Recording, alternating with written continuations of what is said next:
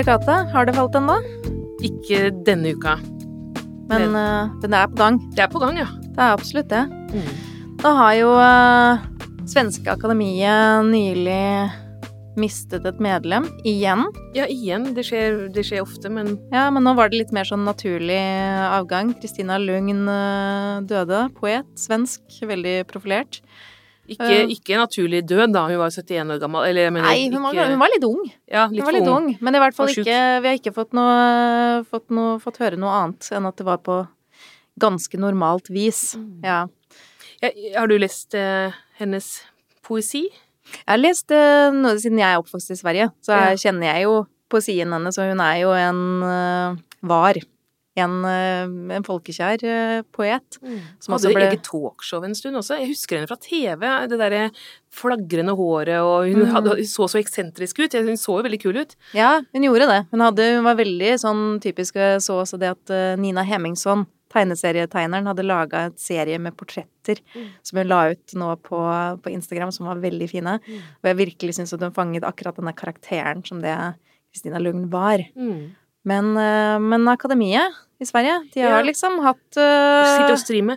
Ja, de har jo hatt litt å drive, ja, drive med. Altså, um, jeg har nylig lest denne eh, Klubben-boka av Matilda Gustavsson, den vet jeg du også har lest. Mm -hmm. uh, og der kommer det jo fram det at Kristina Kristina Lugn, som jeg da så på som veldig kul Jeg syns kanskje hun valgte litt feil side i denne store krisen som var for et par år siden, fordi da Siden hun ble sittende, tenker hun du? ble sittende når eh, de som eh, man liksom holdt, heia litt på, da, fra Mm. feministisk ståsted i hvert fall eh, Sara Stridsberg og Sara- ja, Sara gjengen. Stridsberg og Per, eh, Peter Engelund blant annet eh, trakk seg eh, i støtte for Sara Danius, som ble tvunget til å trekke seg. Mm. Eh, men Kristina Lugn var da den eneste kvinnen igjen eh, i akademien. Forholdt seg lugn, da, Hun holdt seg lugn. Så det var Ja. vel kanskje noe med det. Men eh, ja, vi vet, vi vet jo veldig lite om eh, hvilken lite rolle hun hadde i, i situasjonen, og Ja. hva hennes faktiske standpunkt var. Mm, Men eh, i den boka, eh, Klubben, som vi har med oss et eksemplar av her, så får vi jo vite veldig mye eh, om hva som eh, skjedde eh, i denne store krisen og den eh, voldsomme overgrepssaken mot eh, Jean-Claude Arnault, som var eh, lenge kjent under bare navnet Kulturprofilen, som var gift med Han vel fortsatt Katarina Frostensson, Frostenson. Ja, han er jo gift Fortsatt med gift henne med Katarina som Frostenson. ja. sitter i akademien. Men det som, eh, som er litt sånn jeg leste den, fordi jeg hadde fulgt denne saken ganske bra fra før, og jeg leste artikkelen, selve den, den er basert på i utgangspunktet så, eh, Jeg tenker det er også med flere av de nivåene som du hadde i den saken. Både selvfølgelig det at det var det litterære miljøet som, som vi har, har mye interesse for, men også da dette kjønnsperspektivet, mm. som eh, var veldig tydelig. Ja, Nei, så, så jeg trodde at jeg kjente historien kanskje bedre enn jeg gjorde. Eh, og jeg tror at eh, før jeg leste boka, og jeg tror også andre som har bare fulgt litt sånn i mediene, og kanskje litt overfladisk, da, som man følger en sånn sak, eh, sitter med kanskje et inntrykk nå i ettertid at ja, det var jo en sånn tafsete, slesk type, da, som drev og grafsa på jenter på operakjelleren, liksom. Eh, og, og, og at man Og jo, så blei han dømt for eh, en voldtekt eh, etter hvert. Altså, men, men, men så, når man leser det, så ser man at nei, det var så enormt mye mer alvorlig enn det. Det var det er helt rystende å lese om hva han har gjort mot disse 18 kvinnene pluss pluss, da. Ja, og det er jo Eh. sånne som Mathilda nei, Matilda Gustafsson, som er da journalist og forfatter av denne boken. Jeg tror, du får jo også følelsen av at hun skjønte ikke hvor stort omfang dette faktisk skulle ende opp å ha. Nei. Hva slags sak hun satt med når hun begynte å trekke disse trådene. Nei. Fordi den ene kvinnen etter den andre, eh, og noen ganger må de pushes veldig. Eh, Det er ikke sånn som de ble framstilt av Forsvaret, at de liksom har rotta seg sammen og, og prøvd å, å dra ut. Altså, de, de, mange, ville overhodet ikke snakke om det, men som kanskje med noen liksom noen trakk seg underveis fordi de orka ikke stå i det likevel, men de historiene som er, eh, de 18 anmeldelsene, er, jo også eh, mange av dem veldig grove historier. Eh, fryktelig sørgelige. Han var jo et sånn rovdyr eh, som var helt, helt grenseløs. Eh, og, og med det som også er så bra, bra da, men som er litt sånn viktig med dette omfanget som hun har klart å grave fram, eh, med det det er jo at disse historiene er så ulike. Eh, noen av dem er jo rett og slett bare Ikke bare, men noe av det er grafsing i, på byen.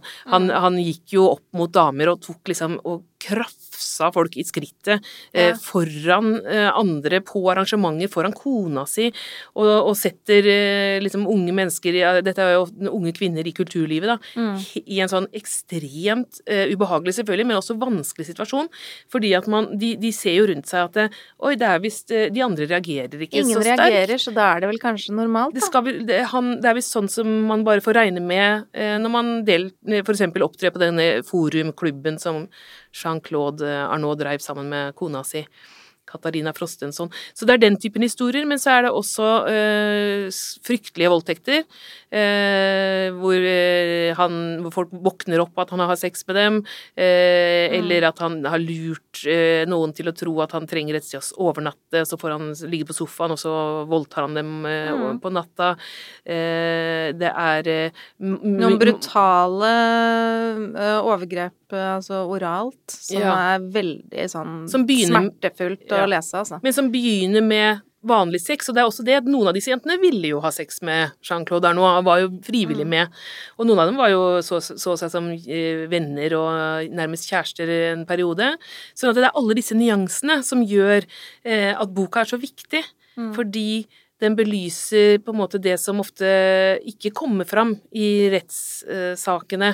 Eh, fordi i rettsvesenet så er man ofte veldig opptatt av Tradisjonelt sett så har det jo vært sånn at en voldtekt eh, er veldig sånn A4 beskrevet. Det skal være veldig mye fysisk motstand roping og skriking. Mm. Eh, du skal ha fysiske, skal fysiske skader. skader ja. Og vist veldig tydelig. For hvis ikke du har vist veldig veldig tydelig på den måten at ikke du vil, så eh, kan eh, Forsvaret eh, vinne fram med at det, han kunne ikke forstå at du ikke ville.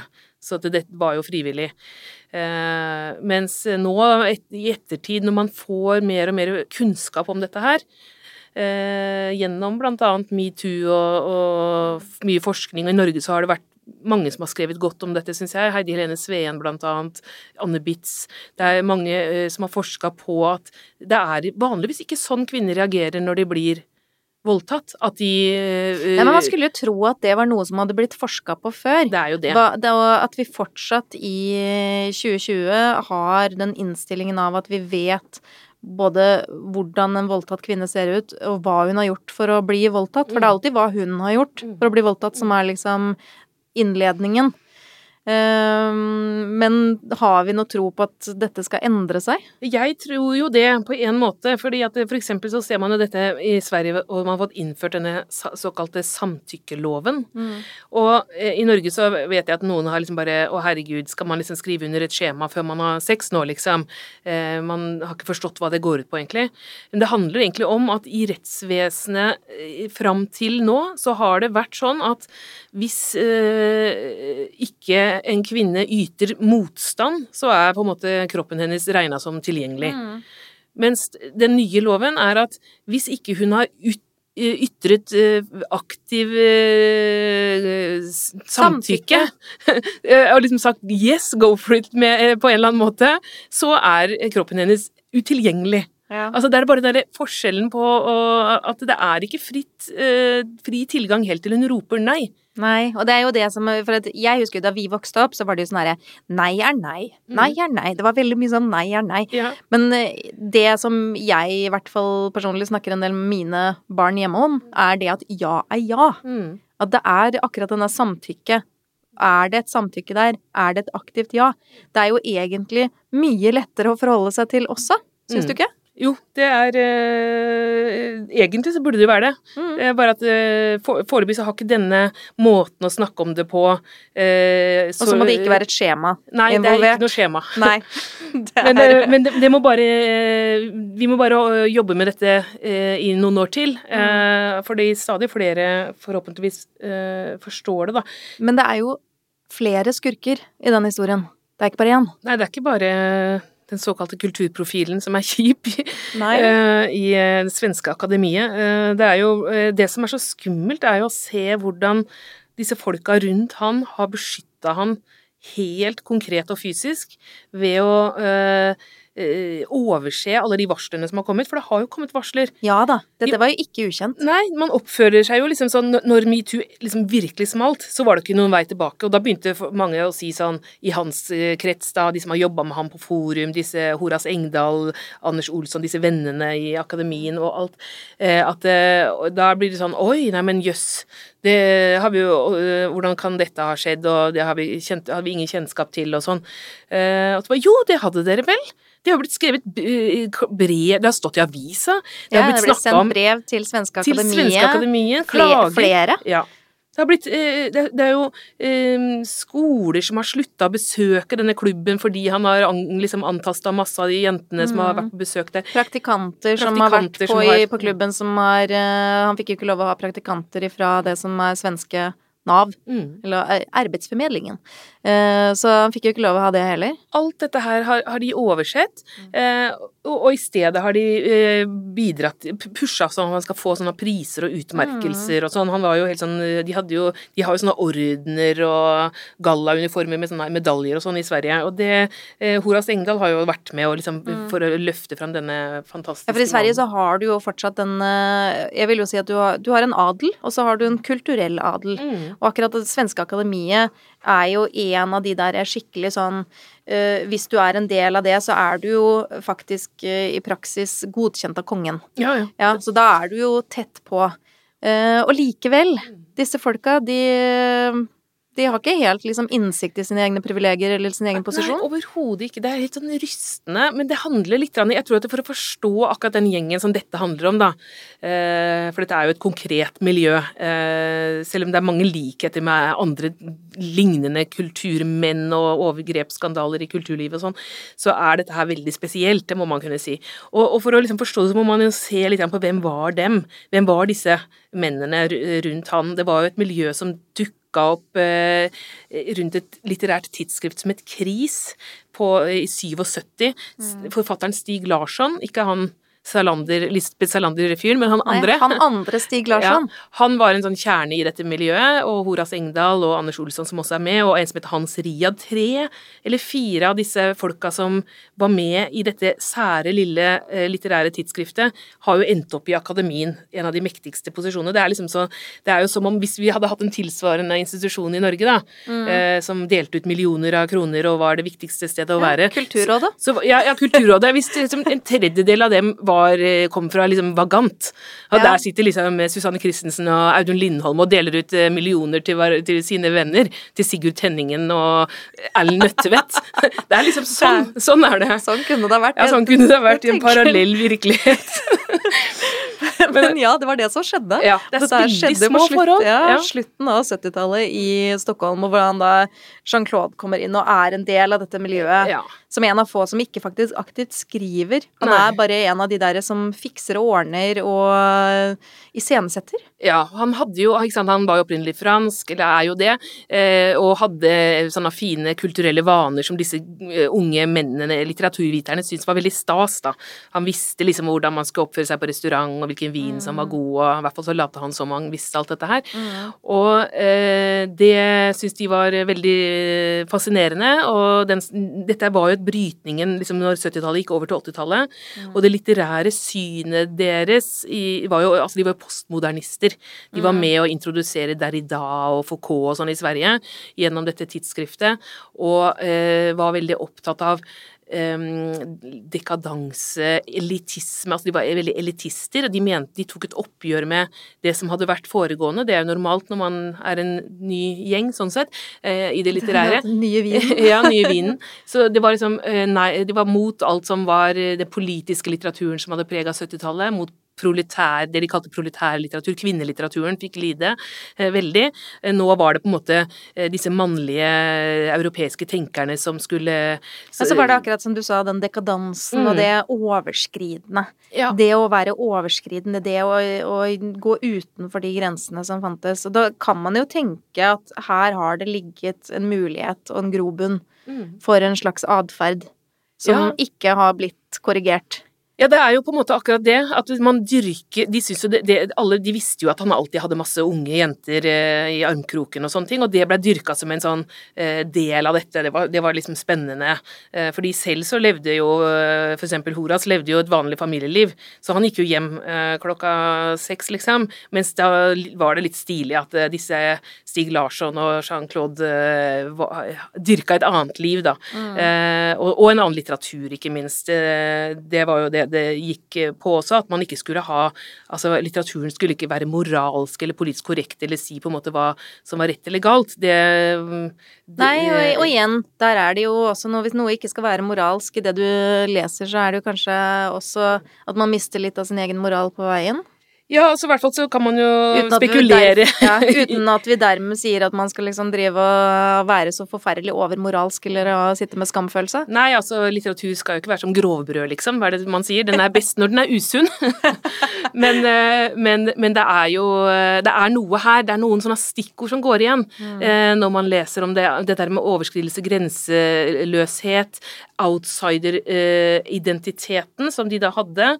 Eh, og det å være outsider og utenforskap, det er også veldig mye av det som Katarina Frostensson skriver om i sine dikt. Uten, følelsen av utenforskap. Men da så er det sånn at selvbildet henger jo ikke med når de etter hvert blir en del av etablissementet. For ja, de, jo de blir jo en del av eliten. De, de er, er, jo en del av uh, makta. makta, rett og slett. Og da blir det jo litt som å bo i Ullevål Hageby og tro at du er middelklasse. Eh, ikke sant? Ja. Med Gucci-bikini. Ja. Det er Sånne ting skjer mm. plutselig. Men, men, men, det er akkurat det, det, er det, det, som er litt skummelt her.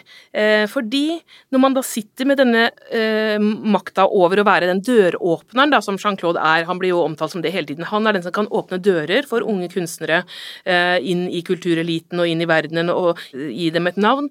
Eh, og da, når man ikke ser at man eh, ser den, men da tolker all interesse rundt deg som rent seksuell interesse. Hvis, eh, altså det er jo, må jo være fordi jeg er så innmari deilig at det flokker seg masse kvinner eh, rundt mm. meg. Dette var jo litt sånn som Giske også levde i en sånn villfarelse om at, det, at det, de må jo, jeg må jo være veldig deilig siden de er så interessert. Eh, og det, den hybris kalles det på en måte da når man blir liksom blind for uh, Ja, blind for seg selv og sin egen uh, posisjon og og at, uh, hvilke grunner folk har til å faktisk ha lyst til å være sammen med deg. Mm. Men det er jo også sånn med han Jean-Claude, for han ble jo etter hvert ganske pågående, og, og, brukte jo også den type uttrykket 'vet du ikke hvem jeg er', og 'jeg kan uh, få deg opp eller rive deg ned'. Ja, han var jo, skamløs. Han var det, og, og, det var Eh, han, han, trua gjerne for å få det han ville ha. Også. Ja, det var, eh, det var, eh, dårlig spill innimellom der. Så det var på en måte en sånn Man skjønte jo at det her kom Eller det bygger seg jo opp. Den uforsiktigheten som man også egentlig kan se med Harvey Weinstein-saken. Ja, at det begynner forsiktig på en måte, eller begynner innafor en eller annen form for ramme, mm. og så til slutt så er det fordi du har jo fått en helt reell erfaring at du blir jo ikke tatt. Nei, og det er, det er ingen, ingen som, som, sier noe. Ingen blir, gjør noe med det. Du har ingen Og da ja. mm. Men vi snakka jo litt om dette her i stad. For at det er litt artig med det ordet, navnet Kulturprofilen. Nå heter ja. han jo Jean-Claude Arnault eh, i avisene nå, men han het jo veldig lenge Kulturprofilen. Mm. Og så plutselig så fikk vi en ny en sak i Norge da, som også var Kulturprofilen. Ja, eh, eller den har vært i sånn som retts... vi heller har konkludert med at vi hadde kanskje heller kalt ham for bytryne. ja. Men, eh, men la oss Hvorfor ikke liksom ja. bytrynesaken? ja, kunne ha vært litt mer eh, Utelivsprofilen er jo mer riktig. For det er jo et annet miljø eh, som denne saken har utspilt seg i, eh, mens dette i Sverige er høykulturen og liksom de inne på Parnasset, så er jo dette her en urban utelivskultur. Ja, for den saken som vi eh, nå har sett eh, spille seg ut her i Norge, for oss som har fulgt Svenske Akademisaken, så er det jo helt påtagelig hvor mange likheter som, som faktisk fins fra den ene saken til den andre, selv om det er, som du sier, forskjellige lag av kulturen. Mm. Så er det likevel de samme tingene som går igjen. Ja, det er mye som går igjen. Her er det jo snakk om eh, jeg tror det er ni kvinner som har anmeldt han for, eh, for, for voldtekt. Eh, I stor grad sovevoldtekter ja, på nachspiel. På nachspiel etter høyt inntak av MDMA i, i noen av tilfellene. Men det, det som er jo som hovedlikheten, er jo det at både Arnault og den, denne fyren blir sett på som døråpnere Mm. i sitt miljø. De har en posisjon til å sørge for at du kan få en jobb, enten innenfor da, sånn som det gjelder denne kulturprofilen her i, her i Norge, så er det innenfor eh, musikkbransje, festival, journalistikk, eh, på den siden der. mm, Eh, og det er jo også det som disse kvinnene har meldt fra om, at vi, de har ikke lyst til å legge seg ut med han fordi han har en sånn posisjon at han kan ødelegge for dem. mm. Ikke sant? Og så er det, altså det, er det, det er felles, men også dette med resten av miljøet rundt har jo også i dette tilfellet Det skjønte man jo, jeg har lest disse eh, artiklene om rettssaken, jeg var ikke der, men jeg har lest det, og hva de folka rundt sier, og det er jo at de visste jo ganske mye her også.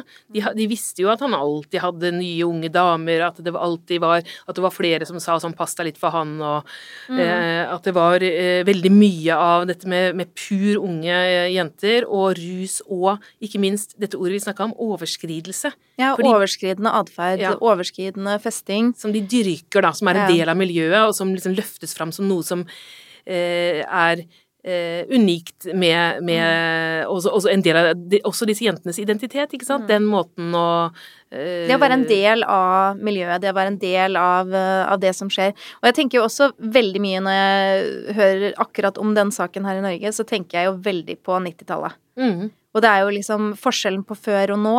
Forskjell, og det er vel også i stor grad en forskjell på før metoo og nå. Fordi at det er liksom det der med På 90-tallet var man jo også litt opptatt av å være en av gutta, mm, og, og liksom ikke være så kjip da. mm. Det er, er det så nøye? Ja, det var en backlash Ja. generelt for å, for å snakke om eh, feminisme på, en måte, ikke sant? Og det å Mm. si, være den jenta som rakk opp hånda og sa at men ærlig talt, det der, eh, er ikke det litt eh, drøyt, liksom? Ja, det der er ikke greit. Mm, for eksempel dette miljøet vi snakker om nå, da, skal ikke gå Der har det jo vært eh, eh, en del sånn dopforherligelse, en del eh, pornovennlighet for, Altså på den måten de forteller disse jentene at det, det var liksom sett på som veldig sto, stort pluss da i den gjengen å være seksuelt frigjort og kunne for eksempel på disse nachspielene kle av seg som Altså at jenter mm. sitter, sitter halvnaken og har sex og andre ser det. Altså den måten Det ble dyrka veldig fram, og det, det er jo en form for jeg vil kalle det guttekultur, da, som eh, har på en måte overlevd i dette miljøet. Og for å være en av gutta, eller altså sett på som en kul jente, Ja, da må man være den kule jenta. man, The cool girl. den. Ja, the cool Ja. girl. Som syns at Og det er jo eh, også en rolle som vi, som vi kan kjenne oss igjen i.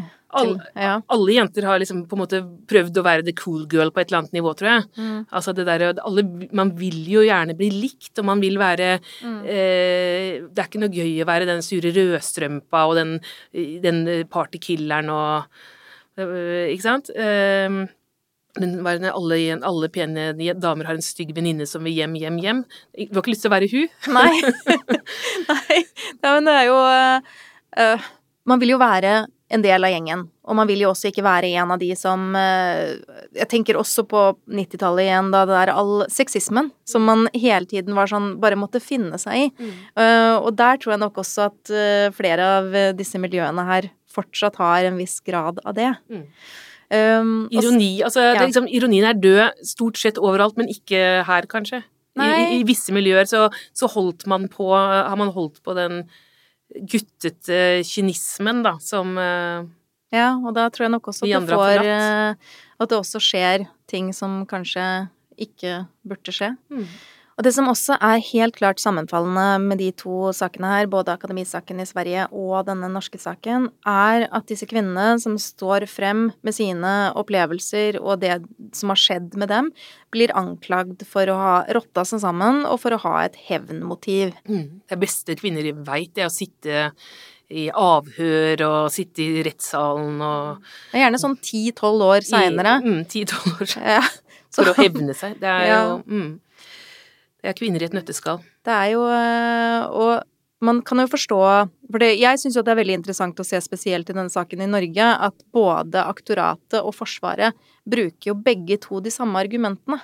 Det vil si at uh, Forsvaret uh, sier jo at ja, men hvis, hvis han var så kjip, hvorfor fortsatte de å sende meldinger, og hvorfor var de fortsatt venner med ham? Mm.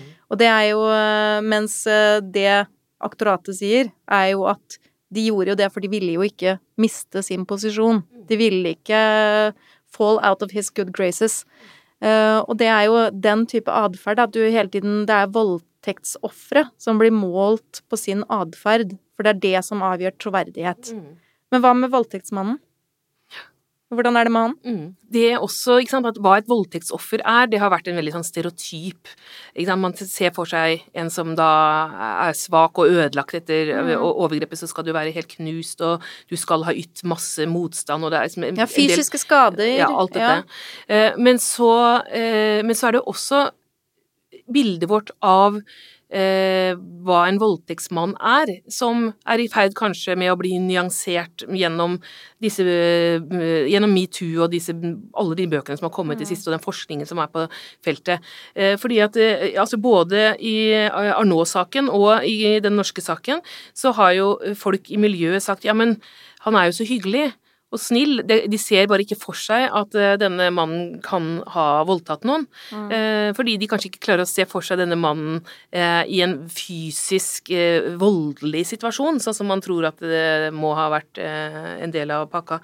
Eh, altså de, de, statistisk sett så kjenner jo de aller fleste det, eh, kvinner i hvert fall, eh, flere, eh, ett eller flere voldtektsofre. Det vet man jo selv. I, Statistisk sett, ja. ja og man, man kjenner det jo fra sin personlige erfaring, og at det er veldig Det vet man jo alltid om.